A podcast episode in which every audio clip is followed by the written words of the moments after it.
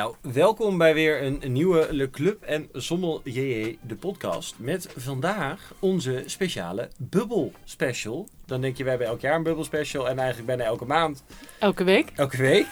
Ehm, alleen, we vonden het wel tijd om even de verdieping in te gaan. Ja. Eh, na onze, eh, dat onze Champagne. bek ook zo verzuurd was van Mm. al die 70 champagnes. Zeker. En natuurlijk die gezellige podcast waarin we al twee flessen champagne hadden gedronken. Ja, ook nog dat. Ook nog. Eh, je moet toch door. Ja. Ehm, dachten wij, het is ook wel eens leuk om vandaag even al ergens anders op te focussen. Prosecco.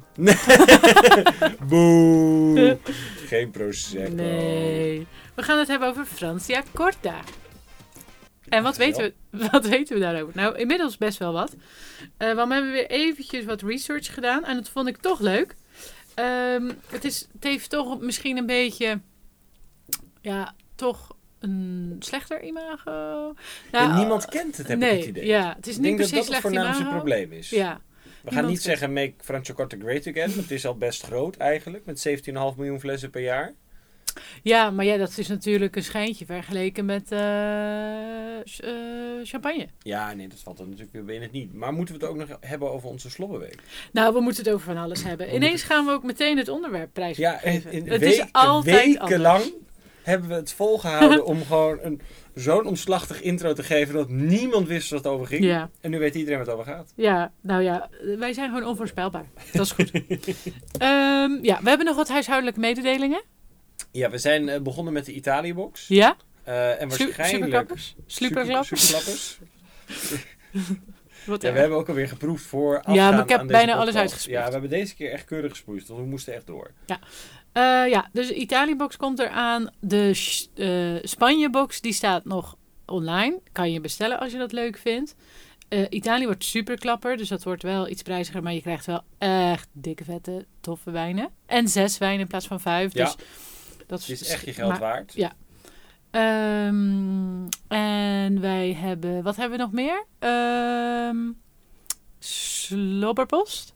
Ja, Altijd leuk als je lid wordt. Daarom. En we gaan dat dus ook voor volgend jaar op de schop gooien. En Oh wij ja. gaan dus Moeten mensen dan nu wel lid worden? Ja, sowieso. Ja. Maar ehm, we gaan hier dus ook mee bezig in onze vakantie. Ja. Eh, die net als de rest van Nederland, eh, niemand weet meer al wat nou wel en niet kan doorgaan. Alleen, daar gaan we het ook gewoon niet te veel over hebben in deze podcast. Want ik denk dat iedereen dat helemaal gewoon... Over corona? Nee. Ja, iedereen is daar helemaal klaar mee. Nee, klopt. Ik, Da- weet het, ik weet het allemaal niet meer. Ik heb er geen zin meer in. Ik ben er klaar mee.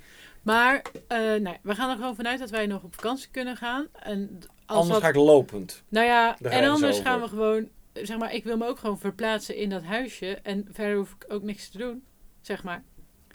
Maar dan ben ik in ieder geval even eruit. Ja. Ik wil eruit. We moeten weg. Eh, oh god. Oké, even zien. Dan hebben we de huishoudelijke mededelingen wel gehad. Mhm. Heb je nog andere dingen in jouw slobberweek gedaan? Nou ja, de slobberweek moeten we nog even behandelen. Nou ja, ja, goed. Ik heb gisteren dan toevallig... Had ik gewoon... Wij aten noedelsalade met eh pindadressing en eh, koriander en heel veel groenten. En het was zo lekker. Het is een heel lekker receptje voor gewoon alledaags. Ja, ik snakte naar een Riesling kabinet. Oeh. Dus ik dook mijn klimaatkastje in. Want ik had natuurlijk helemaal eh, ingeslagen toen met eh Wilde Wijndagen bij de Gal van eh Dr. Lozen. Weet je wel? Mhm. En dan had ik nog een Welene Sonneuhr. Ehm die had een ik nog... hele zonneuur, dat is niet doen. nou, nee, is niet doen. duur. Nee, ik weet het eigenlijk niet meer. Ik weet het niet meer. Maar dat was 2020. En die had ik eigenlijk wel een beetje gekocht van... Oh, die ga ik dan over tien jaar eens proeven, weet je wel. niet zozeer van... ehm, van, oh, het is zo'n dure fles, die bewaar ik dan zo lang. Maar het is gewoon een super... Het is gewoon heel leuk. eh, die, denk ik, alleen maar eh, mooier wordt. Als Ja. je dat... En Maar had je één of twee flessen? Nou, ik denk dat ik ze dus allebei al op heb. Want eh, ik heb, volgens mij had ik deze gedachte eerder ook. Dat ik, dat ik dacht van, nou ja, ik heb er nog één, dus YOLO.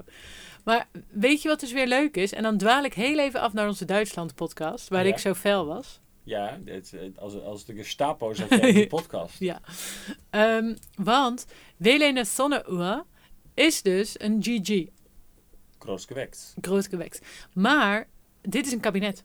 Dus dan, dus dan staat er niet GG op.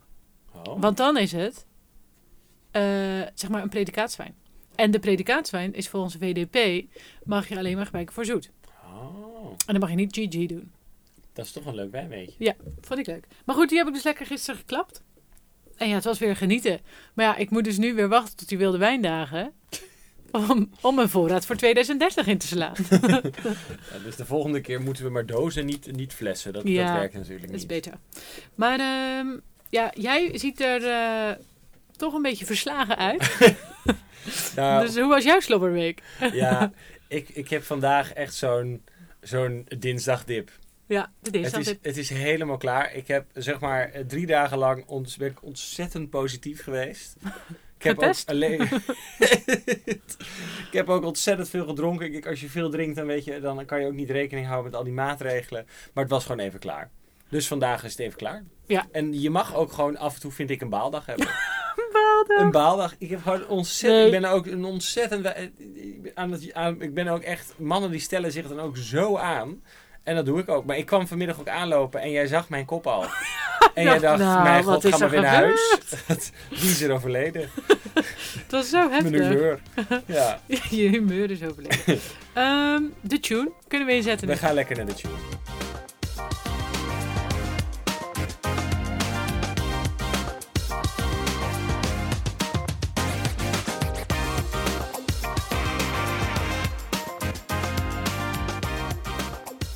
Gaan het vandaag dus hebben over Franciacorta. Eh Ja. Want eh, we gaan niet met de pakken neerzitten. Nee. Ehm, en voorafgaand hieraan eh, hebben we natuurlijk ook uh, Franciacorta's geproefd. ja? Eh, we hebben een aantal dingen. We hebben eh, van Vinites, eh, onze vrienden van Vinites, Jazeker. eh, hebben we Bella Vista ingekregen. Ik heb zelf bij Okhuizen eh Mosnel gekocht. Mhm. Eh, dan hadden we de Monogram van Wine and Spirits. Ja. En we hadden twee flessen gekregen van Pandora's Bottle. Ja. Eh, ook leuk. Hele leuke wijnwinkel in Gouda. En eh Vindict en Platenburg hadden eh, Villa Franciacorta ingestuurd. Ja. Nou, ik denk dat het wel even het leukste is eigenlijk om deze wijnen te behandelen aan het einde van de podcast. Ja. Want dan snap je denk ik ook meer wat wij geproefd hebben. Ja. Eh, er komt sowieso hiervan ook weer... ja, zijn- Artikeltje? wij zijn, ja, een klein artikeltje. hè. Wij Ja. zijn er heel goed in geworden. Nou, en ik vind dat ook leuk. En ik had ook bedacht van, ik ga denk ik ook nog even mijn eh, voornemens voor het nieuwe jaar opschrijven. En op Insta zetten of, nou ja, ergens. Ehm, en een van die voornemens is toch ook wel weer om terug naar de basis te gaan. En weer gewoon meer te schrijven voor de club. Gewoon leuke... Ja, want vandaag Dingetjes. vroeg ik dus ook aan jou, van ik was even benieuwd van wat is dan het meest gelezen artikel van afgelopen week. De week voorafgaand aan kerst, dus deze podcast Ja. gaat na de kerst online. Ehm, en wat bleek? Welke wijn bij Carpaccio? Ja, die heb ik ooit een keer geschreven. Dat is echt al wel lang geleden. Eh, en dat, maar ja, dat is natuurlijk nu voorafgaand aan kerst. Ook welke wijn bij Vitello Tonaat stond in de top 10.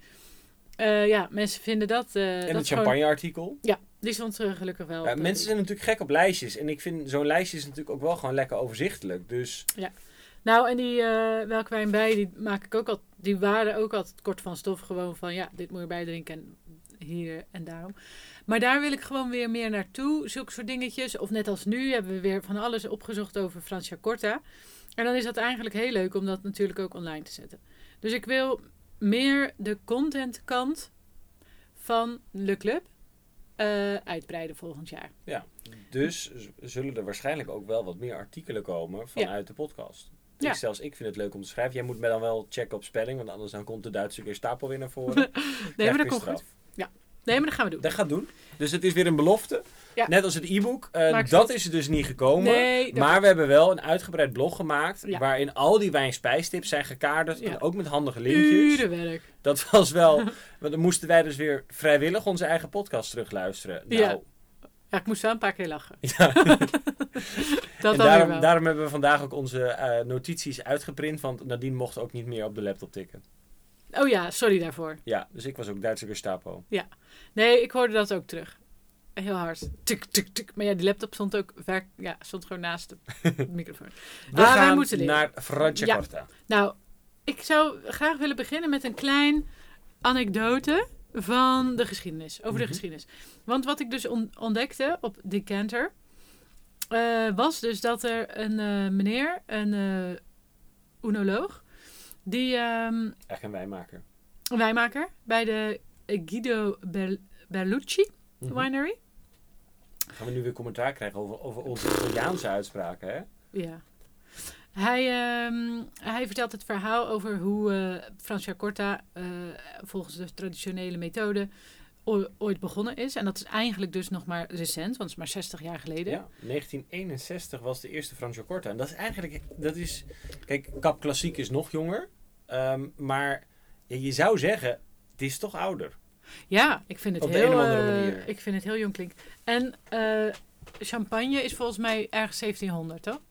Ja, en dan hadden we Dom Perignon die zei, eh, oh, let's go. I'm tasting the stars. En daar klopt Eh. eigenlijk helemaal niks van. Nee, klopt niks van. Anyways, ehm, nou, die eh, werd eh, geroepen door bij die Guido Bellucci. En ehm, ja, zij hadden allemaal problemen, die eh, Guido, die, die winery, met eh, hun witte wijn. Hij zei, ja, hoe moeten we dit nou verbeteren, deze unstable white wine? En die Franco Ziliani, die oenoloog, die zei... I answered his questions without hesitation and made a daring suggestion. What if we were to make a sparkling wine in the French style? En Franciacorta was born. Nou, dat is toch grappig? Ja. Dus ze hebben eigenlijk gewoon letterlijk, het was het idee, kopieer champagne maar. Ja, en dat is ook wel iets wat, wat uit ons, eh, onze research elke keer ook wel naar voren kwam. Is dat eh, ze ook nog te veel op champagne willen lijken. Ehm, terwijl ze toch ook inmiddels al wel een heel eigen gereid karakter Ja. hebben. Nou, en nu zijn er natuurlijk ook wel gewoon eh, producenten opgestaan. Die zeiden van ja, leuk. Dat is, dat is misschien wel zeg maar, het idee van. Of we zijn geïnspireerd door champagne. Maar ja, ons klimaat, onze locatie, onze bodem. Het is allemaal is, anders. is anders. Dus ehm, we moeten het niet kopiëren. Maar we, we moeten onze eigen eh, ding maken. En dat is weer gelijk de challenge natuurlijk. Want daar heeft Janssens dan weer een artikeltje over geschreven van ja, Franciacorta heeft eigenlijk gewoon een USP nodig. Eh, waarom koop je Franciacorta en, en geef je geld niet uit aan de champagne, maar geef je geld uit aan de Franciacorta? Ja, dat is best moeilijk om, eh, om te beantwoorden. Ja, en daarom gaan we daar vandaag ook dieper op in. Maar Franciacorta, waar wa- wa- was, was het gebied? Oh ja, Lombardia. Lombardia, Lombardije. Lombardije. Ehm, en daar ligt het eh, eh, bij, dichtbij het Lake Iseo, Iseo. Iseo-meer. En dat is in het noorden. En Monteferrato, nee, dat is heel wat anders. Monte Orfano. Monteferrato, waar ligt dat dan? Ja, Monferrato. Dat is, eh, is dat niet... Ah, Toscaan? Barbera. Nee, Barbera Oh god, wat erg. We kregen ook in de, in, maar we kregen in de vorige podcast ook op ons kop, hè? Oh. Ja, we hadden iets gezegd over... eh, ook, oh, we hadden ook een fout gemaakt. Oh nee. Over iets wat, wat ergens lag. Volgens mij eh, Veneto. Nou ja, we hadden iets met... We hadden gewoon een fout gemaakt. Ja. Hadden we Veneto la- lag ineens in het zuiden. Ja, we hadden het, we- dat- we- er was even iets op de verkeerde plek terechtgekomen. Oh. Maar dat, dat weet, de oplettende kijker die corrigeert ons. Maar Ja, dit was niet zo'n grove fout dat, eh, dat dit echt meteen, dat we nu weer met de billen bloot moeten. Oh, gelukkig. Nee, dus dit is dus het, de Monte Orfano. En dat ligt meer naar het zuiden. Ja. Ehm, en we hebben natuurlijk een meer. Ja, dat Iseo-meer. Dat zorgt er wel voor dat, eh, dat er wat eh, verkoeling komt. Dat is natuurlijk altijd goed. Ehm, in, eh, in, want dit is best nog wel een redelijk warm klimaat. Het is con- continentaal. Ja, want Maar- in tegenstelling, en dat is ook weer grappig, klopt ook weer niet helemaal misschien tegenwoordig, maar ja, de literatuur loopt soms nog een beetje achter. Ehm, in tegenstelling tot de Champagne-regio, zegt de literatuur, ehm, de druiven worden hier dus ook volledig rijp. Waar vroeger in Champagne dus de druiven misschien niet altijd helemaal rijp werden, dus ook eerder geplukt, waardoor Champagne misschien meer in de kelder werd gemaakt. Nou ja, er zijn Mhm. vele discussies over mogelijk. Ehm, zijn de rollen nu inmiddels ook weer omgedraaid. En daar gaan we straks nog op verder. Dat nu in champagne ook de druiven eh, compleet rijp worden. Zoals ook bleek eh, uit onze podcast. Waar eh, de extra brut en de brut natuurs zich ook heel mooi eh, lieten zien. Ja. Ehm, maar dat ze nu dus ook weer moeten gaan kijken in Franciacorta. waar, hoe ze zeg maar die zuur in de toekomst weer kunnen behouden vanwege de opwarming van de aarde. Ja. Dus het is nu weer zeg maar the other way around. Klopt. Ehm, maar daar gaan we het zo over hebben wat Ja. ze daar voor trucage hebben. Eh, nog eventjes over die twee mm, ehm, ja, effecten op het klimaat. Dus die, het ICO-meer zorgt voor verkoeling. Dat is heel, eh, heel erg eh, welkom in zowel de zomer als in de winter. Dat het ja, wat gematigder is en dus minder snel vriest. En de meer zorgt er natuurlijk ook voor dat ehm, in deze regio's dat minder van toepassing, maar dat je ook minder kans hebt op vorst. Ja, precies. Nou, dat bedoelde ik eigenlijk. Oh, Maar zei ik. In andere woorden. zei ik in andere woorden. Ja. dat is perfect. Eh, en dan... Ik maak het gewoon allemaal wat draaglijker voor de, voor de kijker, wil ik zeggen. Voor de luisteraar. Ja, het is ook Ja. ondraaglijk is het. Eh, Monte Orfano, die zorgt ervoor dat het eh, eigenlijk, dat is eigenlijk een beetje de regenschaduw van de Padana Valley. Nou, Oh. nooit van gehoord, maar die ligt daar en ehm, nou ja, het zorgt, het is, het is een beetje beschermend. Dus helemaal goed. Dan hebben we daar bij die berg ook wat meer eh, kalkrijke eh, bodems. Clay limestone. Ja, nou volgens mij minder clay, maar wel eh, limestone. limestone. En ehm, dat is heel anders in de, aan de andere kant. Daar zijn eigenlijk heel veel verschillende bodems. Van sand, sandstone, gravel en een beetje limestone. Mhm, Ja, en volgens de laatste telling ongeveer 3200 hectare. Mhm. Ehm, en dat staat ongeveer gelijk aan, volgens de laatste cijfers. De literatuur was ook weer een beetje tegenstrijdig, maar 17, ik zei het al eerder, en een half miljoen flessen per jaar. Ehm, nou, dat valt natuurlijk in het niet bij champagne en het niet bij prosecco, wat je ook gewoon niet moet drinken, maar dat, kan, dat, dat mag Ja, mag. mij niet bellen. Maar ehm, het, is, het is wel, zeg maar, en ze exporteren ook maar 11 tot 13 procent. Dat is ook een beetje afhankelijk per jaar. Maar het is, ja, zoals ik waarschijnlijk ook de titel van de podcast wil gaan noemen, Franciacorta. eh Italy's best kept secret. Ja, zo goed, want ze drinken het allemaal zelf op. Ja, en het is echt, echt heel erg goed. Ja, ik ben ook eh, positief verrast. Ja, we zijn weer om. We zijn gewoon om. Ehm, even denken, wat wilde ik nog meer zeggen? Eh, ja, ik denk dat we zo ongeveer... Het is een tiende of zo van, van de hectares van champagne. Mhm. Dat ligt toch op 30 of zo? 30.000, Ja. dacht ik. Ehm, en nou ja, ook eh, een fractie van hun eh, productie. Dan gaan wij naar de grape varieties. Ding, ding, ding. Nee, ja, we hadden opgeschreven Chardonnay is de koningin. De koningin. Ja, de absolute koningin. Chardonnay is de meest aangeplante druif. 80% van volgens mij de complete aanplant is Chardonnay. Eh, dat wordt daarna aangevuld met eh, Pinot Bianco. Pinot Bianco. Maar daar hebben ze weer een beetje moeite mee. Dat wordt steeds minder ook. Hmm. Eh, omdat het ook wat een beetje te neutraal. Het heeft niet echt die hele eigen gerijde stijl. Ehm, Ja, ik had het ooit een keer vergeleken, in mijn hoofd dan in ieder geval, met zeg maar Pinot Meunier. Het Oh, is ja. wel gewoon handig om te hebben, want het ruikt goed. Ehm, maar het is wel een beetje, zeg maar, ja, het is gewoon die productie, de workhorse. ja. Ehm, maar ook Pinot Meunier, als je dat goed behandelt, dan kan je daar nog best wat moois van maken. Maar je hebt er misschien meer tijd. Dat hebben we ook gezien in de champagne podcast. Zo is het. Maar dan kwam jij tot een ontdekking. Ja, nee, maar voordat we naar die ontdekking Oh. gaan, hebben we natuurlijk ook nog Pinot Noir. Oh ja. Het is eigenlijk waar we zeg maar in Champagne eh, Chardonnay, Pinot Noir, Meunier hebben. Ja, Heb je hier Chardonnay, Pinot Noir en Pinot Bianco. Pinot Bianco. Maar, ehm, Yes. en dat is ook wel leuk, want we hadden het zo net natuurlijk ook over de opwarming van de aarde. Yes. En dat je dan ook moet gaan kijken. Nou, toen wij eh, ook bij Charles Heidsieck op bezoek waren, eh, toen zei Cyril, Cyril Brun, eh, de, chef de kaaf, de winemaker, Mhm. die vertelde ons dus toen ook al dat ze ook bij Charles Heidsieck al aan het experimenteren zijn met andere druivenrassen voor Ja. in de toekomst en andere klonen. Nou, in Italië eh, is natuurlijk het mooie, dat land heeft meer dan 800 inheemse druivenrassen en eh, waarschijnlijk nog veel meer. Want er is altijd wel één boertje wat ergens wat heeft aangeplant staan waarvan niemand weet wat het is. Ja. En ze zijn dus nu bezig met eh, Erbamat. Erbamat, ja. Het Erbamat. klinkt niet zo gezellig Het hoor, Klinkt ook niet echt... eh, vind ik. Maar goed. Het is ook weer, maar het grappige is dat dit ehm, is, als je teruggaat in de literatuur, Mhm. noemden ze het vroeger anders, maar kwam dit Oh. in 1500, werd er al over deze druif gerept. Wow. Dus dit gaat best wel terug. Ja? Eh, het is een laat rijpende witte druivensoort, dat ook wederom eh, redelijk neutrale, hoge, eh, nou, ja, neutrale wijnen maakt met hoge zuren.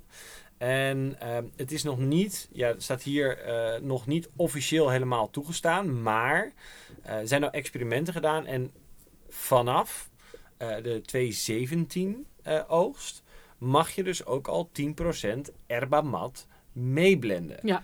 Dus op die manier kan je dus ook weer ehm zuren eventueel misschien in de toekomst gaan corrigeren. En dat gaat het natuurlijk wel heel erg interessant maken en kan misschien ook bijdragen aan een eigen identiteit voor deze regio. Met toch eigenlijk een authentiek en inheems druivenras. Ja. Ja, perfect. Dit is de future. Dit is de future. Ehm, ik ben heel benieuwd. Want we hebben nu, volgens mij hebben we nu nog geen, eh, in onze proeflijst was er nog geen naar voren gekomen. Nee, nee het is, dit is, maar dit, is, dit staat ook nog in dermate ehm, volumes aangeplant dat het ook gewoon niet heel veel is. En op het moment dat het is aangeplant, is het daarna ook een keer, volgens mij was het 2018, ik durf het even niet te zeggen, is daar hele strenge vorst geweest. Dus het kan wel. Waardoor ook ehm, die jonge aanplant eh, redelijk is aangetast. Ja. Dus dat heeft ook weer niet bijgedragen.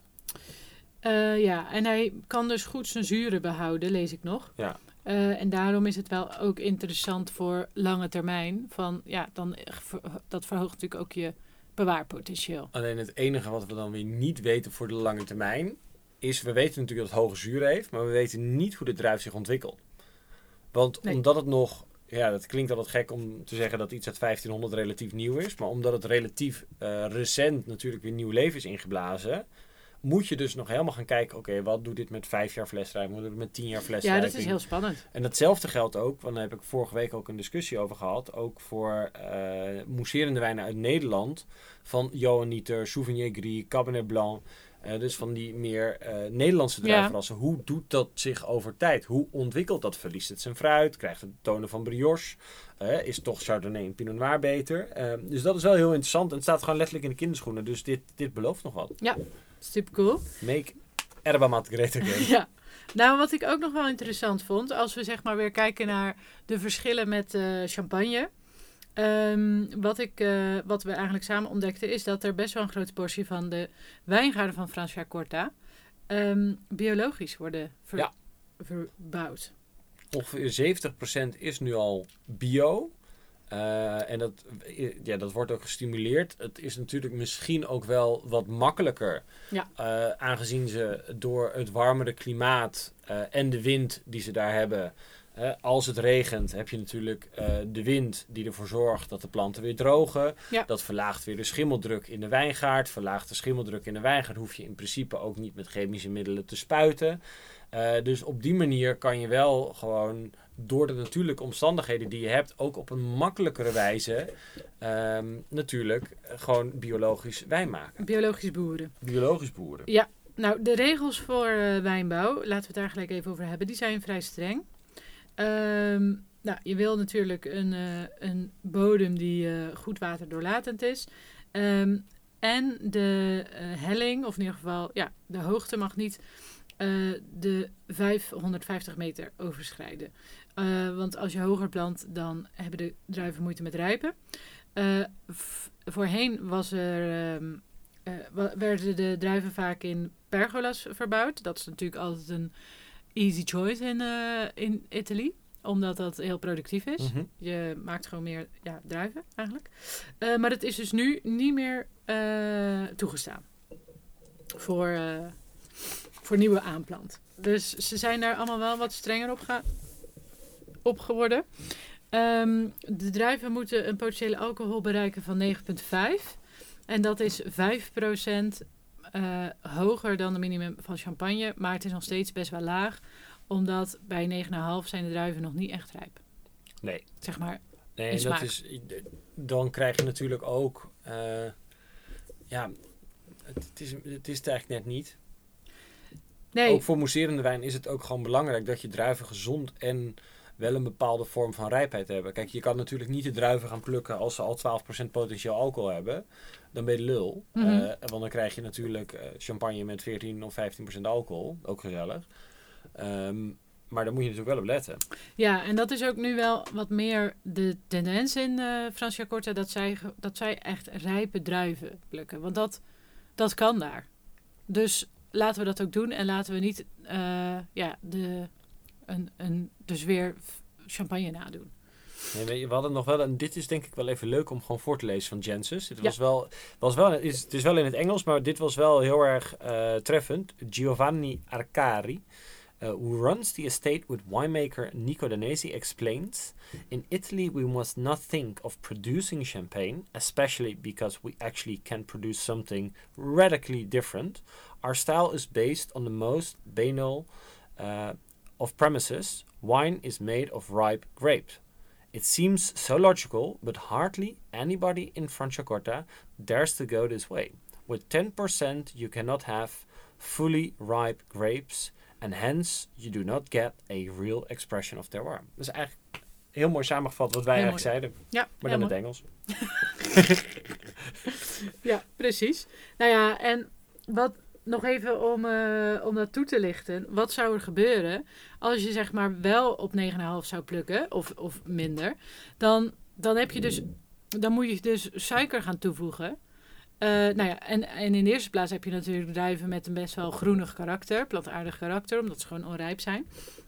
En vervolgens eh, moet je ze of chaptaliseren of meer suikers toevoegen tijdens de tweede vergisting, bijvoorbeeld. Dus moet je weer gaan klooien. Ja, en terwijl je gewoon dat, dat percentage gewoon kan bereiken. Dus ehm, ja, dat, is wel, dat maakt het toch wel weer heel anders dan, eh dan champagne. Oké, dan gaan we naar Vinificatie. vinificatie. Nou ja, dat is op zich dus wel ehm, hetzelfde als champagne. Ja. Metodo classico heet dat dan hier, hè?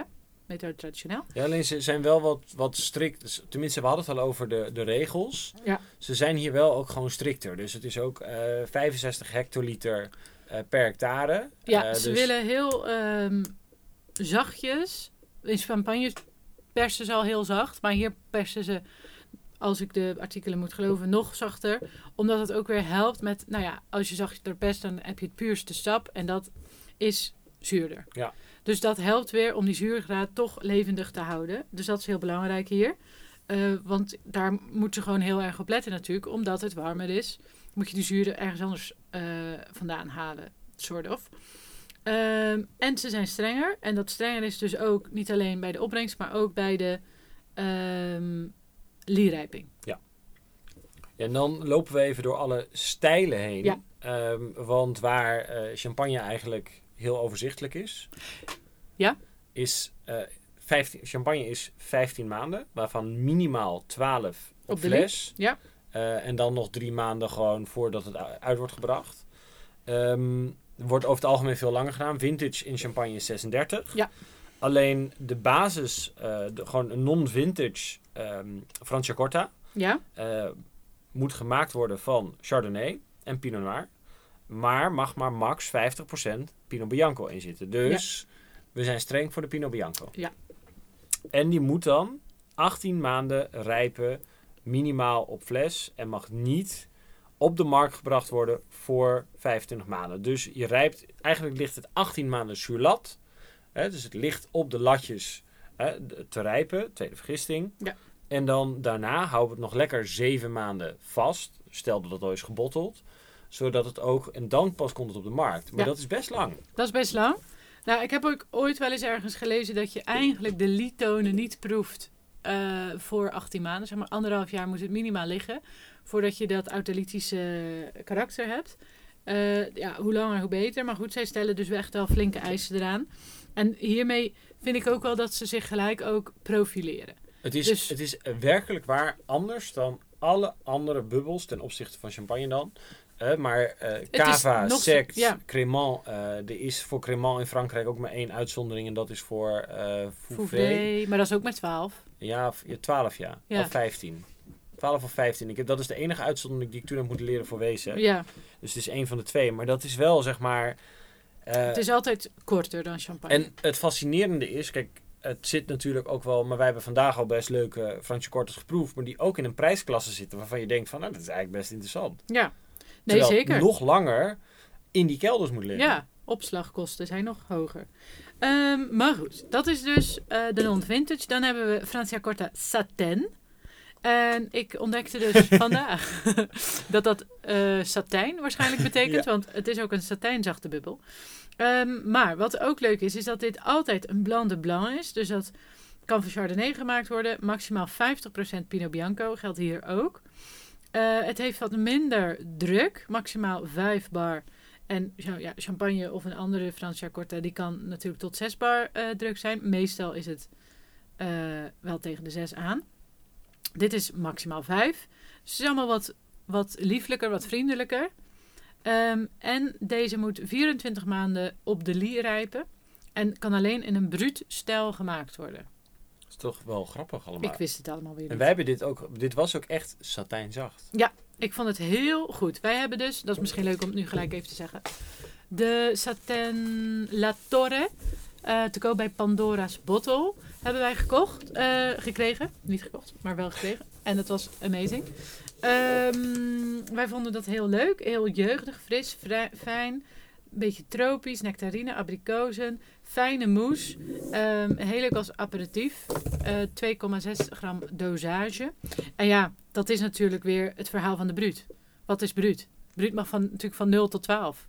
Ja. Dus er staat wel only in brut style, maar het is nog een breed begrip. Ehm, dan gaan wij door naar de rosé. Eh, Chardonnay, Pinot Bianco en minimaal 25% Pinot Nero. Eh, en kan in al- allerlei stijlen gemaakt worden. Millisimato is ehm, een vintage. En nou, wat eh Jan Jaap net al zei, eh, die moet eh, in champagne moet dat 36 maanden liggen, hier dus weer 30. Mhm. Maar ze hebben een extra categorie voor deze vintage en dat is de Reserva. Dat kan een satin zijn of een rosé. Natuurlijk, hè? Wat? Ja. Wat geinig. En dat moet dan gerijpt zijn voor 60 maanden op de lie. Kan ook in verschillende stijlen gemaakt Het worden. kan dus al eh, gemaakt worden als padocé, maar ook, eh, ja, dat staat op de Bella Vista fles. Dan moeten we die straks nog, moet ik die nog even pakken. Daar stond het op. Dat is ook hoe ze dat noemen. Dat is ook weer allemaal zo grappig. Dat, dat is het, eh Ja, Zero Dosato. Of Zero zoiets. Dorsato. Dos- dos- Dosato Zero, zoiets. Maar goed, ehm, die reserva is dus 60 maanden op de lie. Dus dat is ook alweer geinig. Eh, in 2017, de zero dosage was 3% van de totale productie. En dat is inmiddels, in 2021, het is vers, vers van de pers, ruim 5% Wij zitten geworden. natuurlijk bovenop nieuws. Wij zitten bovenop nieuws. Ehm, en nou ja, hoe lager de dosage, hoe beter de kwaliteit van de, van de eh, druiven is. Ehm, dus dat is- ook wel weer een positief verhaal ten opzichte van Franciacorta. En dat hebben wij natuurlijk ook wel een beetje bedacht eh, tijdens, die, tijdens die champagne tasting. Dat wij ook zo te spreken waren over die extra bruut en bruut natuur. Ja, want da, da, da- je kan het alleen maar maken als je druiven gewoon echt heel erg goed zijn. Ja. Hè, anders kan je ergens nog wel eens her en der eens even iets wegpoetsen. Maar dat kan gewoon niet. Nee. Dan wordt het gewoon echt heel vies. Dan wordt het karnemelk. Oh ja. Echt. Ja. De challenges. Nou ja, de grootste challenge is natuurlijk dat, dat Franciacorta weer bekend moet worden bij het grote publiek. Ja, maar ja, de vraag is natuurlijk, willen ze het? Eh, aangezien eh, de Italiaanse markt het natuurlijk Ook zelf drinkt. en ja. terecht. Maar ehm, het, ik denk dat het, het, ehm, het grootste probleem voor Franciacorta misschien wel Prosecco is geweest. Want iedereen kent Prosecco uit Italië. Ja. Iedereen. Wij ook, helaas. Ja. Ehm, maar niemand kent daardoor Franciacorta. Het volwaardige, betere, mousserende alternatief ten opzichte van Prosecco. Wat gewoon en masse wordt gemaakt. Ja. natuurlijk, er is Prosecco met een tweede vergissing in de fles. Stuur hem maar alsjeblieft op, want ik sta nog steeds open voor lekkere Prosecco. Ja, nee, dat is nog steeds leuk. het, bestaat. Ehm, Ja. En we moeten er ook ooit gewoon een keer een podcast over maken. Hè, want je Vind moet, ik wel. Dat, dat moet. Ehm, Maar goed, de USP's ten opzichte van champagne. Ehm, hogere zuren. Maar toch niet hoger dan champagne? Nee, wel, dat kan wel. Nou ja, dat hangt er nu van af eh, wat de opwarming van de aarde doet. Alleen door, nou in ieder geval door de, sowieso de hoge zuren die die al heeft, kan het ook lang ouderen. Ja, nee, tuurlijk. Maar Alleen dat is niet een- ontwikkelt het zich anders, waar champagne misschien echt volle bak eh, rijpe parade van appels en echt brioche ook door reservewijn krijgt, wat hier vaak niet het, ja, eigenlijk niet het geval is. Eh, Misschien is soms. misschien soms is dit toch heel anders. Dit is toch, dit evolueert en rijpt frisser. En ook de, dan kan, kunnen we meteen het lijstje erbij pakken. We, hebben ook Ja, de- we hadden ook die Villa Franciacorta van Vindic in Platenburg. En dat was een vintage eh 215. Ja. En die had wel ontwikkeling, maar was ook nog wel echt gewoon aan de frisse kant na zes jaar. ja, nee, dat klopt. Maar ik denk niet dat het zeg maar een USP is ten opzichte van champagne. De hogere zuren, maar wel gewoon op zichzelf. Heeft het gewoon goede zuren. Daardoor kan het goed ouderen. USP ten opzichte van champagne kan je nog zeggen van nou, misschien de- biologische eh, trend die daar gaande is. Er zijn er heel veel inmiddels nu al. Ja, en misschien ook eh, de trend van eh zero dosage. Ja, En meer zeg maar een eigen identiteit geven aan Franciacorta in plaats van champagne Sowieso. lookalike. dat moeten we En zeker dat is hebben. wat een aantal producenten nu natuurlijk ook doen. Die zijn bezig om eh, en te experimenteren, maar om gewoon ook echt een eigen stijl. En wat wij geproefd hebben is ook frisser. Is ook heel, eh, heel goed. Ehm, andere USB is misschien ook nog die Satin. Ik vond het wel echt leuk. En deze podcast had nog een onderliggend randje. Want eh, mijn kantoorgenootje die gaat trouwen in Toscane. En die eh, vroeg ons dus van... eh, ik, oh ja, vroeg mij van... Wil jij een Franciacorta uitzoeken? Want nou, dat had voor hun een speciaal... ehm, gaf dat, dat gaf ze een speciaal gevoel. Ehm, en die vond dus ook die satin best wel eh, lekker qua dat het gewoon zo ja, gezellig, makkelijk, makkelijke bubbel. Mhm. Niet zo'n enorme heftige moes. En dat was ook juist leuk. En toen dacht ik, ja, dat is misschien ook wel gewoon, kan best ook een USB zijn, deze stijl. Ik vond hem echt heel aangenaam, die. Nee, en het is echt iets onderscheidends. Ja. Het is echt iets wat je ook gewoon nergens anders hebt. True, true, true. Ja, we hebben frisanten en spoelmanten. Ja, maar Allebei vies. Eh, Zo'n Oh, haatcast het geworden. is zo erg. Dus we hebben er nog een paar geproefd. Eh, welke ook opviel, vond ik Le, eh, die Mos, Mosnel. Ja, dat was dus de goedkoopste. Ja, Dat is altijd leuk. En we hadden dan brioche, timide bubbel. Wel lekker. Gele appel, rijp, maar niet te eh, goed. Ja, en natuurlijk betaalbaar. Ik had nog een beetje krijtjes. Het was ook wel... Maar het was echt wel, echt wel een lekker glas. Het had wat ontwikkeling. eh, ook wel wat frisheid. Mhm. Gewoon fijne, zachte moes. Eh, ook gewoon, vooral die moes was echt alles behalve te heftig. mhm. Maar ja, voor 20 piek is dat lang niet gek. ja, nee, ik vond het ook heel erg leuk. En we hadden van Bella Vista hadden we dan van Vinites gekregen de rosé en de eh, blanc. Alma Alma rosé, Dosato Non. Zero Rosato. Ja. Eh, en de Alma Rosé. Nou, die Alma Rosé vond ik echt eh, heel goed. Was heel ehm, eh, fruitig. Ehm, die had ook weer een lange eh lierijping. Dus brioche kwam erdoor. Goede zuren. Het had een heel licht roze kleurtje. Maar eigenlijk, nou, ik denk eigenlijk dat ik niet zou Het was herkennen. bijna een dat- blande noir. eh, Zo'n beetje zo koper eh, goud, zeg maar. Vond ik prachtig. Was, is natuurlijk wel aan de prijs. Zit rond de 40 euro. De Bella Vista non Dosato. Die had iets heel kruidigs. Ja, dit was meteen ook dat je echt dacht van... eh, Een kerstboom. ja, nou ja, het- zeg maar een vloeibare kerstboom. Ja. Alsof je zeg maar je kerstboom in de blender hebt geflikkerd. Eh, Het was heel kruidig. En het was dennennaalden. Maar ik, ik zit hier wel te denken aan een of ander eh, speciaal wijnspijsding. Waar ook zoiets naar voren Het was komt. zeg maar... Kijk, soms heb je dat zo'n wijn ook iets te funky is. Mhm. Hè? Maar dit was eh, zeg maar nog wel gewoon... Het was intriguing. Het was, het was gewoon leuk interessant. Ja. Echt dat je dacht van wat gebeurt hier? En ook echt een beetje een eigen gereide stijl. Omdat het Mega. ook juist niet dat, dat brioche-achtige had. Wel ergens een bittertje, maar dan was het weer, ja, die grapefruit bitters weer, er weer meer grapefruit bitters dan amandelbitters. Terwijl het natuurlijk wel lange lierijping heeft gehad. Ehm, ja, en, en die kruidigheid. Ja, ik vind die in, in die kerstboom, dennennaalden, eucalyptus. dus het, was, het was wel grappig. Maar ik denk dat de rosé, die Alma rosé, die is denk ik voor... Die is wat toegankelijker. ja. Maar hier, qua eh, smaken. Zeg maar, eh, kan overal bij. Dit is, dit is wel echt wat ehm, ja, typischer. Maar wel, maar wel leuk, wel interessant. Ehm, en dan hebben we nog van Wine Spirits kregen we de Monogram Brut.